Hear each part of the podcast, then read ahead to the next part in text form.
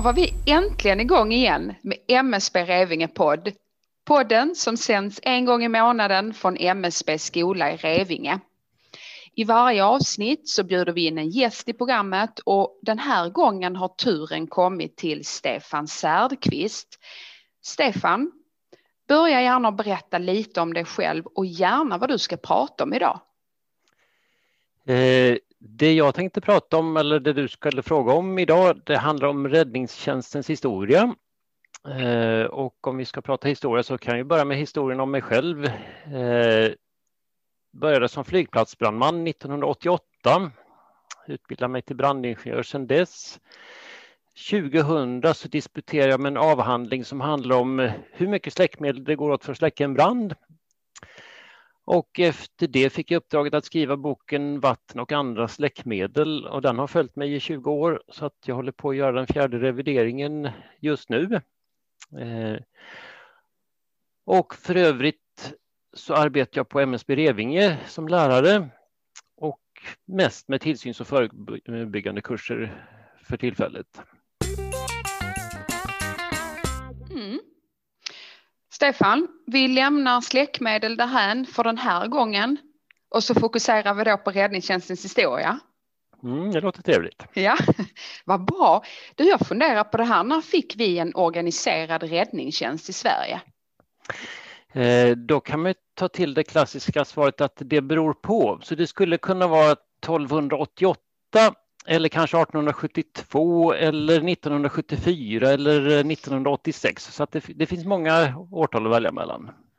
Då, då, får du gärna förklara de där årtalen då, så jag också eh, hänger med. ja, alltså 1288 det är faktiskt första skriftliga belägget vi har att eh, eh, det finns patrullerande nattvakt eh, i en stad och det är i Jönköping, det finns med i privilegiebrevet där, för att skydda mot brand och mot fiender. Eh, 1872, det var i samband med att eh, Göteborg var först ut som första heltidsbrandkår i Sverige. Men eh, här pratar vi om brandkårer. Eh, det är egentligen först med 1974 års brandlag som man stoppar in ett kommunalt ansvar även för andra typer av olyckor än bara bränder. Och 1986 så får vi då en räddningstjänstlag och det var för övrigt samma år som Räddningsverket bildas ur Statens brandnämnd och Civilförsvarsstyrelsen. Så det är egentligen där brandkårskulturen, brandkårsorganisationen stöps ihop med civilförsvarsorganisationen och utkommer räddningstjänsten. Mm. 1986, det, det var inte så himla länge sedan. Det är faktiskt Tänker i modern tid. Ja, absolut. Men du Stefan, hur, hur har räddningstjänsten sett ut rent eh, historiskt? Hur, hur har den utvecklats?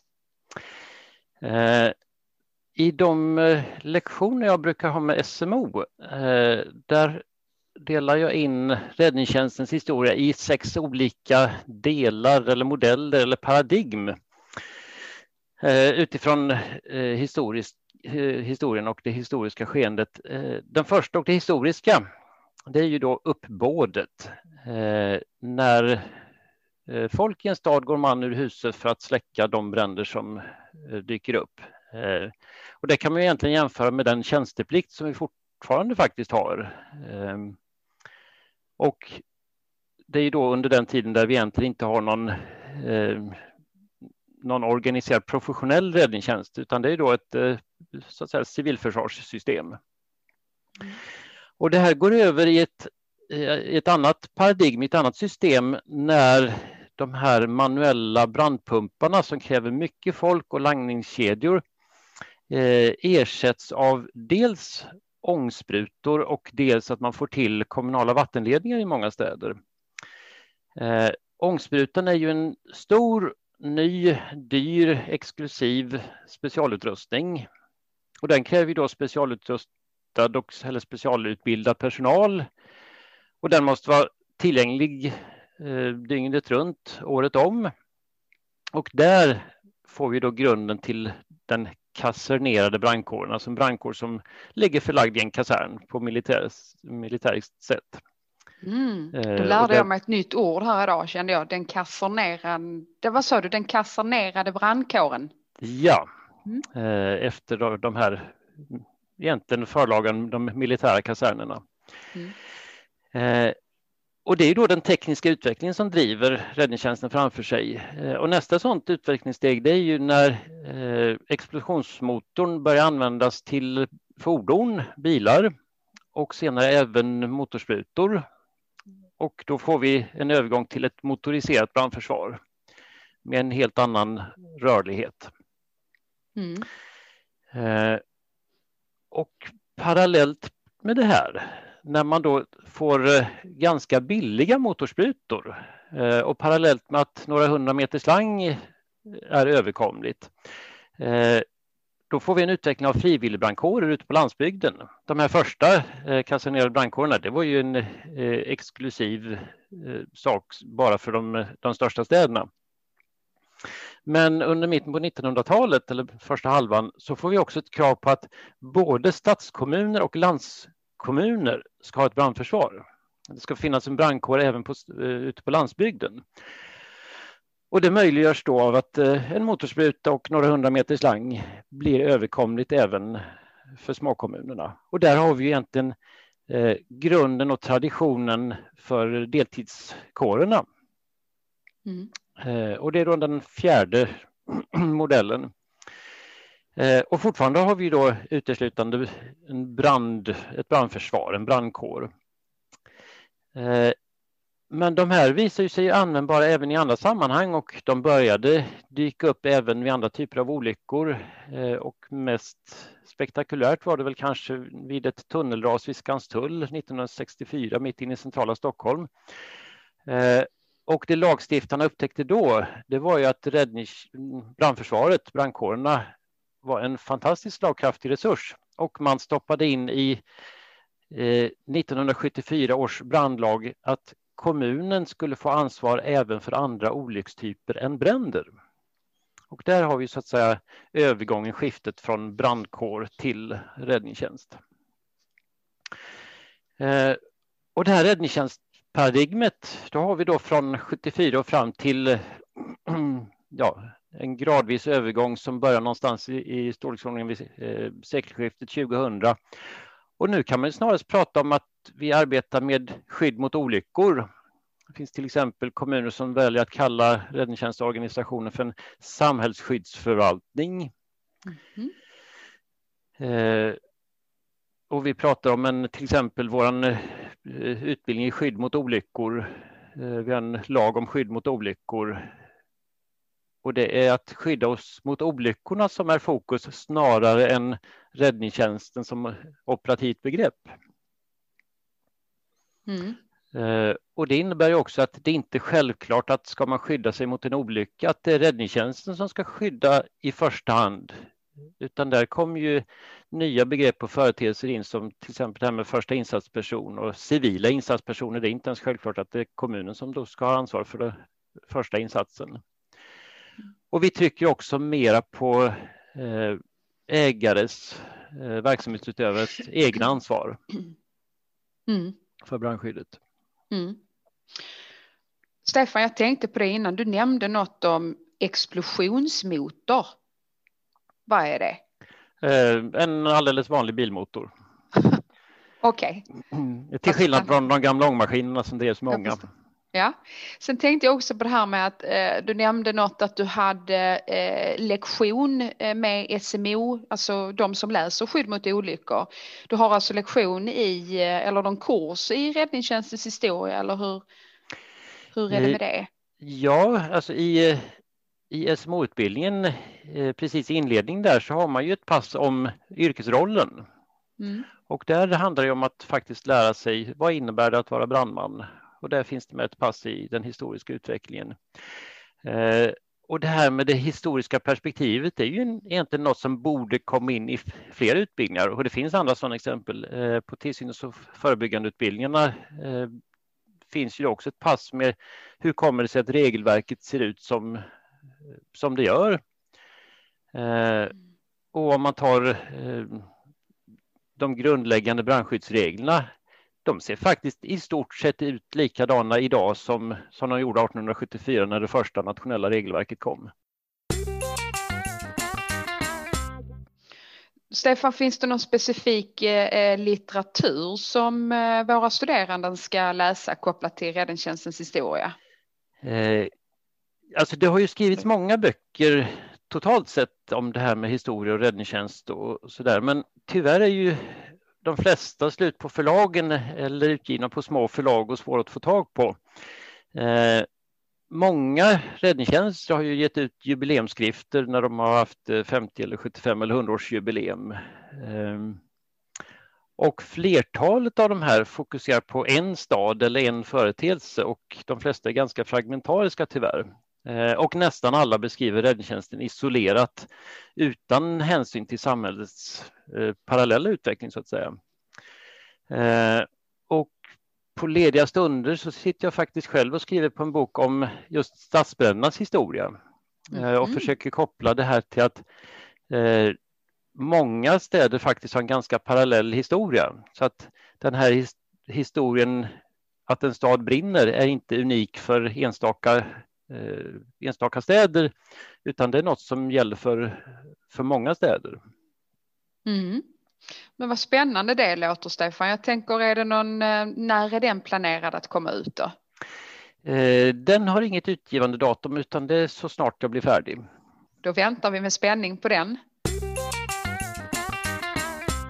Du Stefan, jag tänkte, vad är det som styr utvecklingen av räddningstjänsten egentligen? Alltså, eh, branschen som helhet och då om vi tar kanske inte räddningstjänstens historia framförallt utan brandområdet i synnerhet eh, så har den alltid varit katastrofstyrd. Eh, jag nämnde stadsbränder alldeles nyss eh, och där var det ju framförallt två stora bränder eh, i Karlstad 1865 och i Gävle 1869 där tusentals människor blev hemlösa Eh, och där ekonomin eh, riskerar att eh, kollapsa i, i samhällena. Alltså banker går omkull och försäkringsbolag går omkull. Och det tvingade då mm, samhället att införa ett nationellt regelverk för att skydda sig mot bränder. Och det finns fler sådana här exempel. Vi pratade till exempel då att 1974 års brandlag fick ett att kommunen fick ansvar för även andra typer av olyckor och bränder. Och tittar man några år till, mm, strax innan där så inträffade då det här tunnelraset i Skanstull 1965 mm. där eh, Stockholms brandkår visade sig väldigt eh, användbar i, i det sammanhanget. Eh, några år senare så var det en allvarlig brand i Blåsut i Stockholm där två rökdykare omkom 1975. Eh, det var en brand i Borås stadshotell 1978 där 20 eh, nytagna studenter eller nybakade studenter omkom. Eh, och det var då något som bottnade i ett nytag i egentligen i hela regelverket. Eh, och ett av de eh, exemplen på, på senare år det är ju tsunamin 2004 som gav svallvågor ända in i regeringskansliet och som egentligen är den utlösande faktorn till varför MSB bildades ur Krisberedskapsmyndigheten och eh, Räddningsverket. Du Stefan, eh, i varje avsnitt så får någon annan än jag möjlighet att ställa en fråga till gästen i programmet och den här gången så är det faktiskt vår eh, nya skolchef Ann-Kristin Elvendal som har ställt en fråga till dig. Jag tycker att vi lyssnar på den. Ann-Kristin Elvendal, skolchef för MSB Revinge och MSB Sandö. Hur har kvinnornas roll inom räddningstjänsten sett ut i ett historiskt perspektiv och hur har det påverkat vår nutid? Vad säger du, Stefan, om Ann-Kristins fråga? Det är en mycket bra fråga eh, mm. och med vissa undantag. Det finns ju då enstaka frivilligbrandkårer eh, som haft brandmän eh, redan i början på 1900-talet. Men annars har egentligen kvinnornas roll varit som kokerskor och städerskor och sekreterare. Mm. Mm. Och den här förändringen till att kvinnor eh, kan bli brandmän och brandbefäl, den har kommit sent och den har egentligen varit påtvingad utifrån. Eh, och förändring kom egentligen först när branschen fråntogs påverkan över vilka som skulle börja in i, på de olika utbildningarna. Eh, först på brandingenjörsprogrammet 1986 och i början på 2000-talet in på brandmannaprogrammet eh, SMO. Och konsekvensen av det här det är ju att eh, räddningstjänsten än idag faktiskt inte ser ut som samhället i stort gör. Eh, och konsekvensen det blir att eh, branschen är sen att förändras och förändringar kommer påtvingat utifrån snarare än att det växer fram inifrån. Eh, och det finns ett antal exempel på, på branschens senfärdighet. Till exempel har vi haft ett par präktiga miljöskandaler inom brandområdet. Mm. Den senaste handlar om florerade skumvätskor, men det finns fler och närbesläktade. Mm. Vi har frågor om bromerade flamskyddsmedel, vi har frågan om haloner på, på 1970 och 80-talet. Mm. Eh, och man kan nog också lägga till eh, arbetsmiljöfrågan som också har styrts utifrån från arbetsmiljöhåll snarare än från branschen eh, inifrån. Till exempel hur man hanterar det här med fri vägkörning, rökdykning, arbete på väg. Mm. Så att vi har nog en lång mm. väg kvar att, att gå inom det här området. Mm. En bit kvar, ja. Mm. Men jag tror att Ann-Kristin är nöjd med ditt svar, Stefan. Eh, du, I förra programmet så gästade Christer Jakobsson eh, programmet och han ställde också en fråga till dig som han gärna vill ha svar på. Vi lyssnar på den också.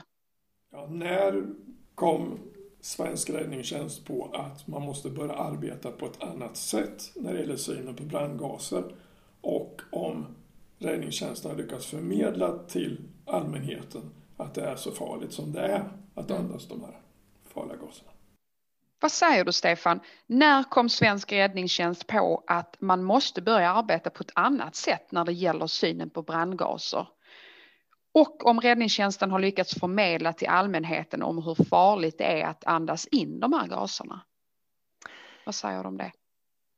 Ja, brandgaserna är ju farliga på flera olika sätt eh, och insikten att de är brännbara den kom på 1970-talet i, i framförallt eh, och det var i takt med att plast blev allt vanligare i, i olika inredningsdetaljer. Och det är egentligen en ganska dyrköpt erfarenhet där det finns flera händelser där brandmän omkommit i övertändningar. Eh, jag nämnde den här branden i eh, Blåsut ut 1975 där två rökdykare omkom. Eh, och det var egentligen där som startskottet kom till ett ordentligt nytag kring hur det här med rökdykeri ska gå till. Eh, och hela det konceptet bekräftades egentligen 1986 när två ytterligare rökdykare omkom i en byggmarknad i Täby. Eh, och här har vi då eh, det paket om att en rökdykare måste ha klarat en läkarundersökning, man måste ha en viss fysisk förmåga, man måste ha en organisation, man måste ha en viss utrustning och så vidare. Och det är ju då grunden till rökdykeri i Sverige som vi ser det som en modern och faktiskt internationell exportprodukt. Eh, och sedan dess är ju rökdykning faktiskt ganska säkert. Men och där kommer ju stort men och det är ju mm. att rök kan vara farligt på flera olika sätt och, och, det handlar ju om den akuta farligheten. Den långsiktiga frågan om friska brandmän som ju också är mm. kopplad till röken och rökens farlighet, den har ju precis kommit upp på dagordningen. Eh, så den frågan har vi egentligen börjat arbeta med. Så att eh, mm. som svar på Christers första fråga, det är ju att egentligen var det på 70-talet och kanske också att vi faktiskt inte har insett det ännu. Mm. Och vad gäller allmänheten, ja många vet nog att rök är farlig men flertalet underskattar nog den förödande förmågan i brandgaserna. Och där har vi till exempel det tragiska exemplet från Rinkeby 2009 där en mamma och hennes barn dog när de försökte utrymma från en lägenhet som faktiskt var ganska säker genom ett rökfyllt trapphus. Och om man försöker blicka framåt, eh, det är ju det som är eh, egentligen den stora vinsten med historiekunskap, eh, eh, nämligen att om man vet hur det har sett ut historiskt och vet hur det ser ut nu så kan man också blicka framåt. Och ser man utvecklingen framåt eller brandgaser så blir ju röken snarare än mer farlig framöver. Till exempel röken från brinnande elektronik. Det kommer ju mer och mer elektronik i, i, runt omkring oss. Till exempel så innehåller batterier oftast fluor, vilket ger både giftiga och frätande brandgaser. Så att eh, frågan om brandgaser kommer nog att få än större tyngd mm. framöver. Mm. Ja, det kan jag tänka mig. Du Stefan, snart är programmet slut. Oj, redan? ja, tiden går fort förstår du när man har roligt. Men eh, innan vi avslutar programmet så vill jag ju att du skickar en eh, vidare en fråga till vår nästkommande gäst som eh, nästa gång blir Peter Holmström.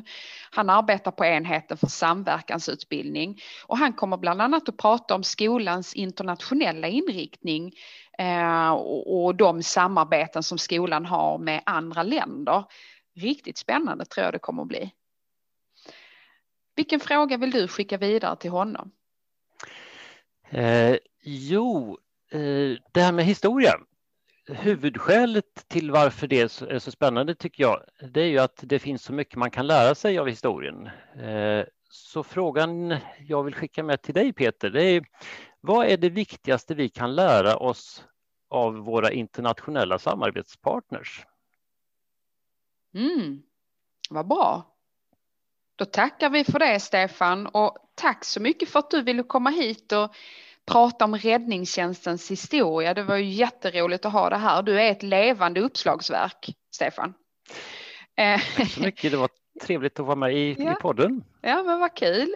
Och du kanske kan komma hit igen och eh, prata om släckmedel? Absolut, kanske? det gör jag gärna. Det är ett annat av mina favoritområden. Ja, absolut. Eh, jag som ställer frågorna, jag heter Lara Crispianadottir och vi ses om en månad. Hej då!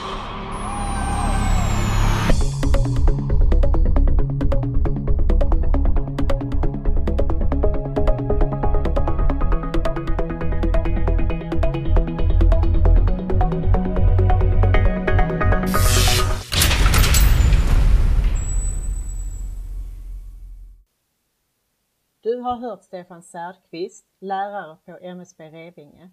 Intervjuade gjorde Lara Kristbjärnardottir. Inspelning och redigering av Charlotte Kristoffersen. Signaturmelodi av och med tillåtelse av Christian Ur. Referenser och bilder hittar du på msbrevingepodd.wordpress.com MSB Revinge december 2020